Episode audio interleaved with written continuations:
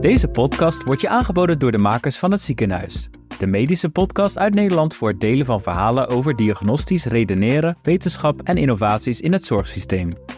Vandaag luister je naar De Internist, de klinische redeneertak van deze podcast. Goedendag en welkom bij De Internist, de Nederlandse podcast voor interne geneeskunde voor medische professionals, studenten en eigenlijk iedereen die geïnteresseerd is in klinische geneeskunde. Elke aflevering zullen we met vooraanstaande experts en specialisten de diepte induiken in een medische casus of onderwerp. Ik ben Sarah. En ik ben Henry. En wij zijn geneeskundestudenten uit Amsterdam en nemen je graag mee op reis door de complexe en fascinerende wereld van de klinische, klinische redenering. Vandaag hebben we dokter Jos Koter bij ons. Dr. Koter heeft een achtergrond in de geneeskunde en is opgeleid aan het Kennemer Gasthuis in Haarlem. Sinds 2003 is hij werkzaam als internist op de locatie VUMC van het AMC en hij heeft een focus op vasculaire geneeskunde. Ook heeft hij fantastische bijdragen geleverd aan het onderwijs en daarvoor heeft hij in de afgelopen jaren vier keer de Jan Heidemann-prijs gewonnen voor beste specialist voor zijn onderwijs aan co-assistenten. Welkom. Jullie ook welkom en dank voor de invitatie. Ik wil eerst beginnen met een vraag over waarom bent u eigenlijk internist geworden? Ja, waar, waarom hou je van Beethoven? Hè? En waarom, waarom zijn dingen zoals ze zijn? Ja, de eerste, ik denk wel dat ja, colleges spelen een belangrijke rol. Ik zie nog steeds mijn oude opleider, uh, Jan van der Meer, college geven, klinisch redeneren over patiënten voor in de collegezaal. En ik had eigenlijk al het gevoel van, ja, dit is het mekka van de geneeskunde. Hier, hier gebeurt het. En gewoon met een bord en een krijtje, een beetje linksom, een beetje rechtsom. Dat past niet, dat past wel. Opnieuw vragen stellen. Ik dacht van, ja, dit is wel geweldig. Dus uh, na afloop van de studie uh, ben ik eerst ANIOS geworden om, dacht, om eens te kijken, is dit ook wat voor mij? En met in het achterhoofd nog die huisarts op het platteland met een boerderijtje die het hele dorp kent. En nog steeds lijkt mij dat geweldig. Um, maar dat anioschap was ook geweldig. En ik had gewoon het idee, ja, ik spreek hun taal of zij spreken mijn taal en het type patiënten, de problematiek. Je, zo moet je denk ik ook achter je missie komen. Je bent met een groep specialisten in je kooschap, in je aniostijd. En je denkt van, ja, zij spreken mijn taal. En deze manier van denken vind ik leuk, die past mij. Ik denk dat je zo je specialisme uh, gaat kiezen. Daarom moet je ook zo je kooschappen ingaan. Hè? Gewoon met een open vizier. Of goh, waar pas ik het beste bij? Wat, wat, wat suits me well, zullen we maar zeggen. En zo is dat gelopen. En uh, vanuit uh, Anios naar AIOS geweest. En ik heb het sindsdien tot de dag van vandaag nog steeds een fantastisch vak gevonden. Nog steeds fluitend naar mijn werk, zullen we maar zeggen. ja. Ja, dat zijn wel de mooie momenten. Als je nog fluitend naar je werk nog gaat. Steeds. Want als ja, ja. je zo vroeg begint, soms in de ochtend, dan... Uh... Ja, geen, geen medelijden. Nee, geen nee, medelijden. nee, nee. Ik haal, ik haal mijn groente bij een, uh, een groenteman aan de, aan de Kinkerstraat, Sener. Ik ga je geen sluiker klaarmaken. Het is wel de beste, de beste groente en fruit van de stad. Voor de Amsterdammers. Ja, ja, voor de Amsterdammers. Ga daar vooral eens kijken. Echt, het is een leuke vent ook. En die, uh, voor mij woont hij nog meer of zo. En die staat s ochtends half vier, vier bij de markthallen. Nee. Ja, en dan moet hij nog naar zijn zaak, al zijn spullen kopen. Dan moet hij zijn zaak oprichten. En dan is hij s'avonds zeven uur klaar. En dan denk ik van, oh, ik dacht dat ik het zwaar had. Ja. Nou, not even close. nee. Dus medelijden is niet op zijn plek, zou ik zeggen. Nee. Positive mental attitude, ja. Ik Ja, vind het wel uh, Ja. heel goed. Had je nog een vraag? Oh, Voordat we... Ik vind het altijd een leuke, maar heeft u een boek of een film in de recent ge- gezien die het zou aan uh, onze luisteraars kunnen aanbeleven? Ja, er was nou, dat is een hele idiote film, maar die kun je niet zomaar zien. Dus dat is eigenlijk ook flauw om die aan te raden. Satan Tango. Dat is een film van een Hongaarse cineast. Die is een jaar of veertig oud, denk ik. Die duurt 7,5 uur. Wauw. Gebeurt 7,5 uur bijna niets. En het is fantastisch. Het is één grote meditatie. Het is fantastisch. Maar als de lezers, de lezers, nou kijkers eigenlijk, luisteraars, iets willen zien vanavond, uh, wat nog te vinden is, dan moeten ze naar Chaos kijken. Chaos? Van de gebroeders Taviani. Ja. Oh, ja. ja. Dat is echt onwaarschijnlijk mooi. Verhalen van Pirandello, dat is echt heel mooi. Een boek zei je ook nog, hè? Ja. Ben je op zoek naar gewoon een, roman? Ja, de Misdaad en Straf van Dostoevsky. Of zoek je een biografie? Paustovsky. Uh, de, de biografie, autobiografie van Konstantin Paustovsky. Mooier wordt het niet. Of zoek je iets over een beetje paramedisch, het boek Breath. Heb ik net gelezen over, ja. over de geschiedenis van het ademhalen. Fantastisch. Heel mooi. En zo kan ik nog wel even doorgaan. Dus ja. continue, please. Oké, okay, ik zet hem helemaal op mijn lijstje. Jij zet maar op. okay, ja. ja. Ah, de biografie is delen hoor, dus dat is eh de spreek je volgend jaar weer. Ja, Ja. Volgend jaar pas. Ja. Ja, Zullen wij alvast beginnen dan met, die, met de casus? ja, zeker. dan beginnen we met de casus. Nou ja, we hebben een patiënt, 82-jarige vrouw. En eh, zij werd naar het ziekenhuis gebracht nadat haar man een ambulance had gebeld. Hij beschreef een achteruitgang in de mobiliteit eh, bij zijn vrouw. En die had zich ontwikkeld van zelfstandig buiten huis lopen tot nu slechts enkele stappen binnenshuis met hulp. Eh, en dit gebeurde allemaal over een tijdsbestek van twee weken. De man van de patiënt zei dat ze verward was geraakt en niet georiënteerd was in tijd of plaats. Ze had ook nieuwe eh urine-incontinentie ontwikkeld, eh, ook weer in de afgelopen twee weken. De patiënt had de afgelopen 24 uur voedsel en water geweigerd, wat aanleiding had gegeven tot het telefoontje naar de hulpdiensten. De patiënt was enkele jaren geleden gediagnosticeerd met de ziekte van Alzheimer en had al lange tijd van hypertensie. Ze nam 5 milligram amlodipine eh, in de rechteroog, eh, maar geen andere medicatie. Ik denk once daily. oh, want daily, sorry. Ja, ik dacht dan ook Dexter eigenlijk gelijk, maar Ja, het is ook, oh, dit is hier gelijk het probleem met het- afkorting, Ja. hè? dat is echt... En MI, is dat mitralis insufficiëntie Ja. of is dat een myocardinfarct? Ja. Ehm, Maar een calciumantagonist in die oog zou... in de eh, ogen, Ja, nou, alles ik was, kan. Ik was hem aan het voorlezen en toen dacht ik eigenlijk even Je niet meer na over wat ik zei. Ja, ja. Daar heb je ons voor. Ja, dat scheelt. Nou ja, ze had dus, eh, ze nam dus die 5 milligram eh, per dag. Geen Ja. andere medicatie. Eh, ze had tot haar 65ste als rechter gewerkt. En had eigenlijk tot de laatste maanden een actieve lifestyle gehanteerd. Er was op dat moment geen verdere geschiedenis beschikbaar. Het ambulance beschreef echter dat ook de man van de patiënten wat verward was. Maar wel aanzienlijk minder dan zijn vrouw. Dus ja, als zo'n patiënt presenteert. Ehm, je moet al het eerst denk ik scherp voor ogen hebben wat ze hier precies komt doen. Dus dat je even een soort focus in je gedachten houdt. Oh ja, ze is feitelijk heel erg in de war en ze loopt blijkbaar heel slecht. Hè. Dus dat zijn even de, cruciale problemen voor dit moment. En in welke setting gebeurt dat? Dat is een setting van iemand die al eh, blijkbaar te lijden heeft onder ziekte van Alzheimer. Dat maakt natuurlijk heel veel uit wat er dan komen gaat. Eh, dus dat is eigenlijk tweeën. Wat is er aan de hand? Met welke achtergrond? Ook de hypertensie, maar die lijkt iets minder nu eh, een rol te spelen. En welke diagnoses schieten door je hoofd in eh, aanmerking nemende de voorgeschiedenis en het acute probleem? En dan is ze erg verward en dan drinkt ze geen water en heeft ook niks gegeten de laatste 24 uur. Dus eh, je bent bang dat er een delier zou kunnen zijn. Dat is oké. Een delier komt van het pad af zijn. Iemand die cognitief al wat verminderd functioneert, bijvoorbeeld door de ziekte van Alzheimer, is daar mogelijkerwijs heel gevoelig voor. Dus dat zou zomaar kunnen. En als dat dan zo zou kunnen zijn, waardoor dan? En dan denk je aan de leeftijd. Dan denk je aan de rest van het verhaal. Zou ze misschien een urineretentie hebben?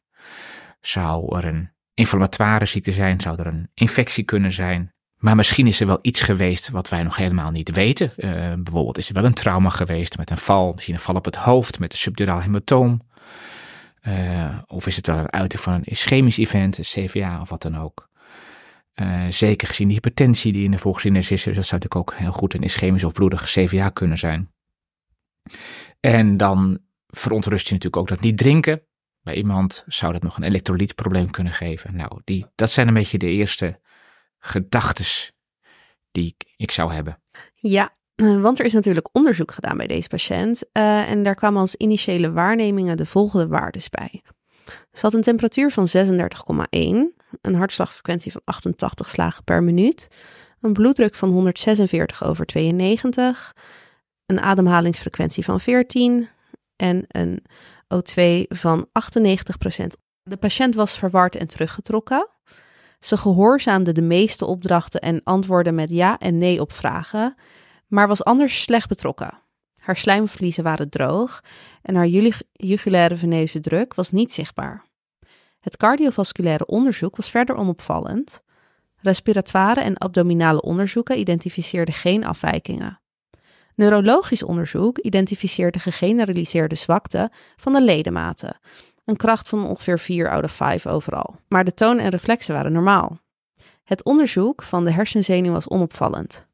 De patiënt weigerde te lopen, dus haar gang werd niet waargenomen. De patiënt was incontinent van urine tijdens het onderzoek. Ze had geen pijnlijke ruggengraat. Er was geen zadelparesthesie. en de anale toon was normaal. Ja. Dus met deze informatie verandert uw denkproces? Ehm, een beetje, misschien staat ook niet alles wat je wil er helemaal goed. Eh, ze heeft geen koorts. Bij oudere mensen zie je dat wel vaker, dat ze ook een infectie hebben zonder koorts. Dus dat maakt een infectieziekte nog zeer wel mogelijk. Ik vind de pols relatief rustig eh, en de bloeddruk valt gelukkig ook nog mee. Dus als er een infectie is, is de gedachte aan een sepsis of septische shock minder aannemelijk. Ademt ook rustig met 14 keer per minuut en heeft een uitstekende perifere gemeten saturatie. Dus dat is geruststellend enigszins. Is, is verward, zeggen ze dan, en wat teruggetrokken. Verward is een rotterm. Hè. Wat, is, wat is dat nou?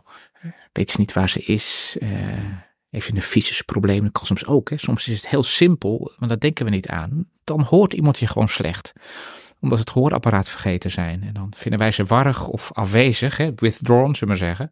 Maar dan hoort ze het gewoon niet. Dus let even op, heeft iemand misschien gewoon een gehoorapparaatje dat er gewoon in moet. Um, en wat bedoel je precies met die verwardheid? Uh, waren wat droge muqueuze membranen? Ja, dat kan zeker duiden op ondervulling. Kan, maar ouderen hebben wel vaker wat droge muqueuze membranen of een de, wat mindere turger van de huid. Um, dan zeggen ze verder, abdominal examinations, ja, die lieten geen afwijkingen zien. Dat is ja, natuurlijk mooi. Maar als er ergens staat geen afwijkingen, ben ik altijd benieuwd wat bedoelt iemand daar nou mee? Eh, waar is nou goed naar gekeken? want bijvoorbeeld urineretentie eh, zou je per percussie of palpatie misschien op kunnen merken. En dan zou ik toch eigenlijk nieuwsgierig zijn of die wel of niet afwijkend was, percussie en palpatie. dus ik, feitelijk is het ook beter in je verslaglegging dat je geen, eh, geen demping in onderbuik hebt, geen palpabele massa, et cetera. Dus dat is beter dan no abnormalities. Ze, ze, liep niet, dus daar kun je weinig van zeggen. Incontinent voor urine. Nou, dat zou natuurlijk nog steeds kunnen passen bij een urineweginfectie of een urineretentie. En dan inderdaad, die zei, dat, dat rijbroekgebied en anale tonus, ja, dat zie je bij ik, koude equinaletsel bijvoorbeeld, hè, in het lumbosacrale radiculaire gebied. Ze beschreven ook geen pijn, eh, maar goed, dat hoeft niet altijd. Dus dat daar ergens iets mis is, dat is minder aannemelijk. Um, dus het heeft mijn ideeën nog niet groots veranderd. Nou, misschien dat uh, bloedtesten daar wat verandering in brengen.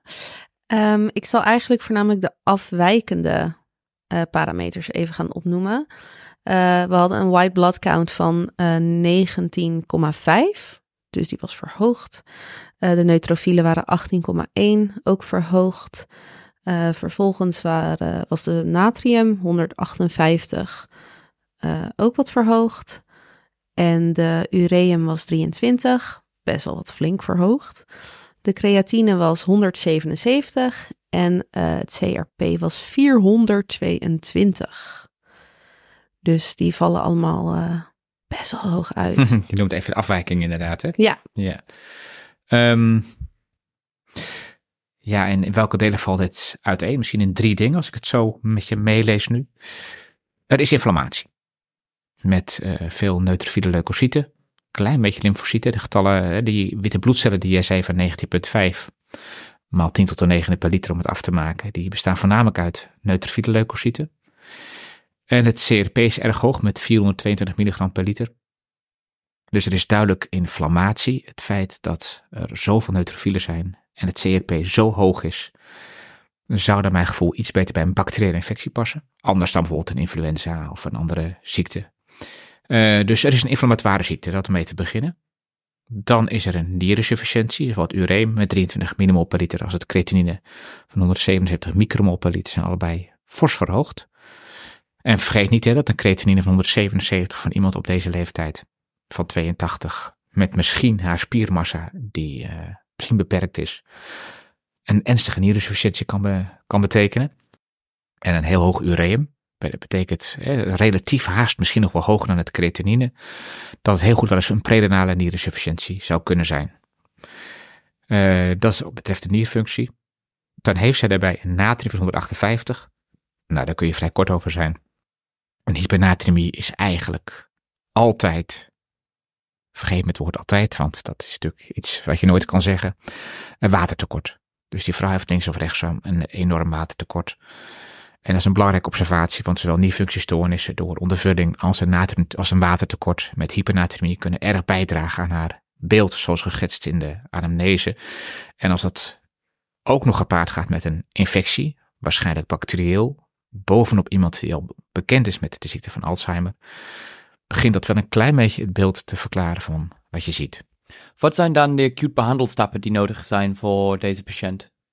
Ja, zeker. Ehm, de nierfunctie en het watertekort Hmm. moeten zeker behandeld worden. En daar maak je natuurlijk nu al een begin mee. Ja, en welke stappen gaat u hiervoor nemen? Nou, kijk, om te beginnen is die vrouw, denk ik, ondervuld.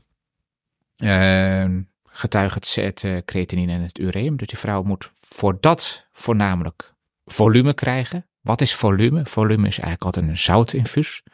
Dat kan ringerlactaat zijn, dat kan ook zeker NaCl 0,9% zijn. Dus het volume wil je vooral met een zoutachtige oplossing aanvullen. Ehm, maar er is bij haar naast het volumetekort echt een opvallend watertekort. Als je het watertekort in zijn eentje zou willen attackeren, zou je iemand water geven. Dat kan natuurlijk over een sonde, eh, puur water, maar het risico is dat zij zo in de war is eh, dat ze die uittrekt. Het lijkt me erg lastig. Dus dan zou je bijvoorbeeld kunnen kiezen voor een infuus met water. Dat doen wij vermomd als glucose. Glucose 5% is isotoon ongeveer als ons bloed. En eh, is feitelijk een vorm van water geven. Want glucose metaboliseer je ook weer tot water en CO2. Ehm, dus je wilt enerzijds water geven voor het natrium. En je wilt zout geven voor het volume. En dan zou je kunnen zeggen. Hè, stel je voor dat het volume nu zou predomineren. Hè, een bloeddruk van, van 70 over 50 en stachycard. Eh, dan zou ik zeggen, nou, dan moeten we nu eerst maar even volume geven. Dan laten we het natrium even zitten. En als het eh, watertekort op de voorgrond staat, zou ik glucoseinfuus geven. Nu het eigenlijk beide is, zou ik kunnen zeggen, weet je wat, we gaan het uitmiddelen. We geven een mixinfuus, zo heet het ook zo mooi. 0,45% NaCl en 2,5% glucose. Dan geef ik een beetje zout met wat extra water. Daar zou ik denk ik gelijk al mee beginnen. En dan, hoe weegt u dan het risico op vererging van de hyponatremie met die infuus? En beschouw u dit als een risico bij deze patiënt? Ja, dat kan, dat kan zeker. Dat kan zeker. Vergeet natuurlijk niet, als je 0,45 NaCl ja, is geeft, genoeg? Is, ja. dan geef je 100, nou wat zal dat zijn, 152, eh gedeeld door 2, denk ik rond de 70, 80 millimol natrium. Wat Mhm. beduidend lager is dan haar plasmanatrium van 158. Dus je geeft ten opzichte, hè, qua NaCl, qua natrium, geef je een hypotone oplossing ten opzichte van haar plasmanatrium. Ja. Dat wil niet zeggen dat het per se gaat dalen, want het hangt er daarna nog maar helemaal van af wat de nier doet. De nier bepaalt eigenlijk wat er met onze plasmanatrium gebeurt. Bijvoorbeeld werkzaamheid van ADH. Dus ik kan het nog niet garanderen en daarom ga je het ook herhaaldelijk meten om te kijken Mhm. wat er gebeurt met het natrium. Maar in principe geef ik dus een relatief hypotone wat betreft natrium oplossing aan die vrouw. Dus ik zou dat wel durven. En Met welke snelheid zou u die natriumniveau naar beneden willen brengen? Ja, want je, je bent bang hè? Je zegt ik ben bang dat het te snel verlaagt. En waarom? Dat is omdat het brein achterloopt. Dat blijft hypertoon ten opzichte van het bloed dat geleidelijk aan hypotoner wordt met de mate waarin ik water toevoeg. Het brein kan dan water opnemen met circulatie, kan gaan zwellen en dat zou hersenedeem op kunnen leveren. Het is wel goed om je te realiseren overigens dat het bij oudere mensen die vaak wat atrofie hebben, zeker bij morbus Alzheimer, dat hersenen, ja, er is nogal wat expansieruimte, snap je? Dus eh, zo heel groot lijkt dat gevaar niet om te beginnen. Tweede inschatting die je moet maken is hoe snel denk ik dat dit nou ontstaan is. Ehm, nou weet ik natuurlijk niet goed of het al twee weken gaande is, maar het verhaal suggereert ook een beetje dat er in de laatste 24 uur echt wel een knik zit met dat niet drinken. Als iets in korte tijd ontstaan is, mag je het ook in wat kortere tijd herstellen. Als je twijfelt of je denkt dat het langere tijd geweest is, zou ik zeggen probeer nou dat natrium 8 tot 10 millimol Ja. in een dag lager te krijgen. Dan zou ik tevreden zijn. Maar nogmaals, in dit geval is het denk ik een kortere aanloop. Oké. Ehm, dus dat zou ik doen aan de ondervulling en de hypernatremie. Wat resteert is een infectie. Althans, ik denk een infectie. Bij iemand die erg in de war is, moet je natuurlijk altijd even bang zijn dat er een meningitis zou kunnen spelen, bijvoorbeeld. Is er niks stijfheid? Eh, daar zou je nog naar kunnen kijken. Of heb ik een goede alternatieve verklaring? En dan zou je, denk ik toch in dit geval, vooral naar de urine kijken. Dus een urineanalyse doen. En direct een urinekweek ook en bloedkweken. En ik zou denk ik wel proberen die vrouw snel antibiotica geven, te geven. Er zijn wel verhalen hè, over de golden hours, zullen we zeggen, de eerste uren. Er valt veel te winnen in het begin van de behandeling. En dus stel je voor dat je zegt, ik ga wachten op een sediment en een kweek en het duurt 5, 6, 7 uur. Ja, dat is denk ik wat lang. Dus probeer dat nou snel voor elkaar te krijgen en dan toch maar antibiotisch te behandelen. Dus dat zouden mijn eerste interventies zijn. Dus die urineanalyse zou ik er graag nog bij zien. Oh, ik weet, weet niet of die nog komt. Uh, ja, die komt erbij. Uh, de patiënt werd namelijk behandeld met een intraveneuze coamoxiclav Ja. voor een vermoede urineweginfectie. Oké. Ja. Uh, een urinemonster werd pas afgenomen nadat antibiotica waren toegediend en toonde vervolgens geen bacteriële groei. Het is maar wat je met urinesample bedoelt. Hè? De, de kweek wordt al snel positief. Die groeit niet meer als je antibiotica gegeven hebt. Maar Nee. een sample op bijvoorbeeld de aanwezigheid van leukocyten, om eens iets te noemen, blijft gewoon nog uren, misschien wel dagen, eh, indicatief voor wat er speelt. En zoals die vrouw inderdaad, zeker uit een goede urine, misschien zelfs met een katheter verkregen. Je kunt soms iemand ook even katheteriseren. Het heeft twee voordelen. Is er misschien toch urine- urineretentie? Kun je dan gelijk zien. Wat een belangrijke reden is voor een delier. En je hebt gelijk een sample A voor je sediment. Zitten daar leukocyten in, bacteriën of juist even plavijslepeteel die het beeld vertroebelen. En je hebt je kweek. En het is een kleine moeite en ik denk dat dat hier gedaan zou kunnen. Kan zijn dat het ook wel gedaan is, maar dat het Nou, niet relevant was. eh, Nou, het de- wel- Mooie, mooie voor de Oké, kazen. ga door. Maar als we, als we een andere kant op. Ja, ja. Oké, ga door. Eh, de bloedonderzoeken werden 24 uur later herhaald. Eh, het serum natriumgehalte was gestegen tot 172 millimol per liter. Haar urineproductie was hoog, ongeveer 250 milliliter per uur. En het medische team had moeite om haar vochtinname en uitvoer op elkaar af te stemmen. Ze kreeg intraveneus 5% dextrose toegediend, maar bleef in negatieve vochtbalans. Ze werd overgebracht naar de afdeling voor intensieve zorg voor nauwe monitoring van haar intravasculaire volume en natriumgehalte. Haar plasma-osmolaliteit bleef rond de 360 en de geassocieerde urine-osmolaliteit was laag. Ze, was, eh, ze bleef teruggetrokken met weinig motivatie voor zelfzorg. Ze dronk geen vloeistof zonder aanmoediging. Er werd een neuszonde geplaatst om de voeding en hydratatie te ondersteunen. Verdere geschiedenis kwam naar voren na gesprekken met de kinderen en de patiënt, die meldden dat hun moeder een levenslange geschiedenis had van polydipsie, polyurie en nocturie. Nou, jullie willen natuurlijk weten hoe, hoe nu verder. Hè? Om te beginnen, het, stijgt. Hè? Het, het plasma natrium stijgt. En als ik me nu realiseer wat jij net vroeg, was jouw angst. eh, heeft dat infuus daar nou toe bijgedragen, hè? waar een beetje zout in zit? Ik denk dat het antwoord eigenlijk vooral nee is. Want bij haar is niet zozeer het verkregen zout het probleem. Maar het doorgaand verlies van een waterige oplossing. In dit geval urine. Ehm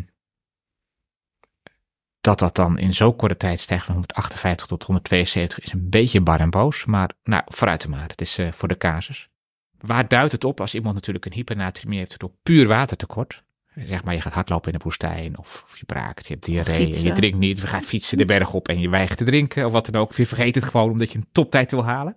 Of je hebt je water weggegooid natuurlijk. Als een echte racefietser de berg op. Ah, dan, doe je, ja, ja, ja. dan leeg je je bidonnetjes Ja, die laatste voor een toptijd. Dat, eh, doet, dat doet mijn zoon, maar voor, voor mij is dat irrelevant. Ehm, als je natuurlijk puur een watertekort hebt, dan verwacht je natuurlijk toch, en iemand is ondervuld, dat iemand niet plast. Of weinig plast. En als iemand een heel hoog ureum heeft, kan je een beetje eh, diurese in gang houden door al het ureum, maar geen 250 milliliter per uur. Moet je je voorstellen, dat is 6 liter per dag. Dus daar is iets mis. Die vrouw plast veel te veel, terwijl ze ondervuld is en een hypernatremie heeft. Dus je kunt, dat kan eigenlijk maar één ding betekenen. Eh, die vrouw heeft, er, er werkt geen ADH, er werkt geen antidiuretisch hormoon. Dat kan bijna niet anders. Iemand het verzonnen heeft om haar een, eh, een diureticum te geven, maar dat lijkt me heel bijzonder. Dus die vrouw heeft naar alle waarschijnlijkheid geen eh, ADH werkzaam. En als je dan iets verder leest en je kijkt naar de urine osmolaliteit, dan zie je dat die inderdaad laag is. Nou, dat hoort natuurlijk ook niet, want als ADH werkt, hè, afgegeven wordt en vervolgens werkt, verwacht je concentrerend effect van de nier, verwacht je een hoge urineosmol, die je soms overigens op datzelfde sticky, dat is ook wel leuk, want weet je nog dat we net een urinesediment uh, van je katheterisatie hadden verkregen, naar een stickje hadden gedaan om te kijken of er leukosen zitten, et cetera, et cetera. Daar had ook soortelijk gewicht op. Het soortelijk gewicht wil eigenlijk gewoon zeggen hoe zwaar is de urine ten opzichte van puur water. En hoe zwaarder de urine, hoe meer opgeloste deeltjes, hoe hoger de osmolaliteit. Um, dus stel je nou voor, je had goed gekeken bij binnenkomst, je had dat stikje in de urine gedoopt op de eerste hulp. En je had gezien dat die osmol van de urine, die soortelijk gewicht misschien wel 1000 was, 1,000 kilogram per liter. Dan had je naar puur water gekeken.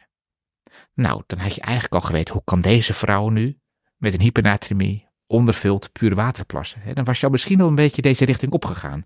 Dus ik kan alleen maar zeggen, als je zo'n sticky doet, kijk ook eens naar die getallen waar je niet zo vaak naar kijkt. In dit geval een soortelijk gewicht. Um, Oké, soortelijk gewicht, urineosmol. Er is geen ADH. Dus dat betekent dat die vrouw een diabetes insipidus heeft. Diabetes, dat ken je natuurlijk wel. Dat komt van het woord hè, diabeter, oftewel doorstroming. En doorstroming is soms zoetig van smaak. Zoals vroeger gediagnosticeerd. Dat noemen ze het honingachtige van miel, oftewel diabetes mellitus. Dan stroom je door door suiker. Maar soms stroom je ook door zonder smaak, zonder suiker. En het, vertaling van uh, zonder suiker of smaakloos, letterlijk smaakloos, is insipidus.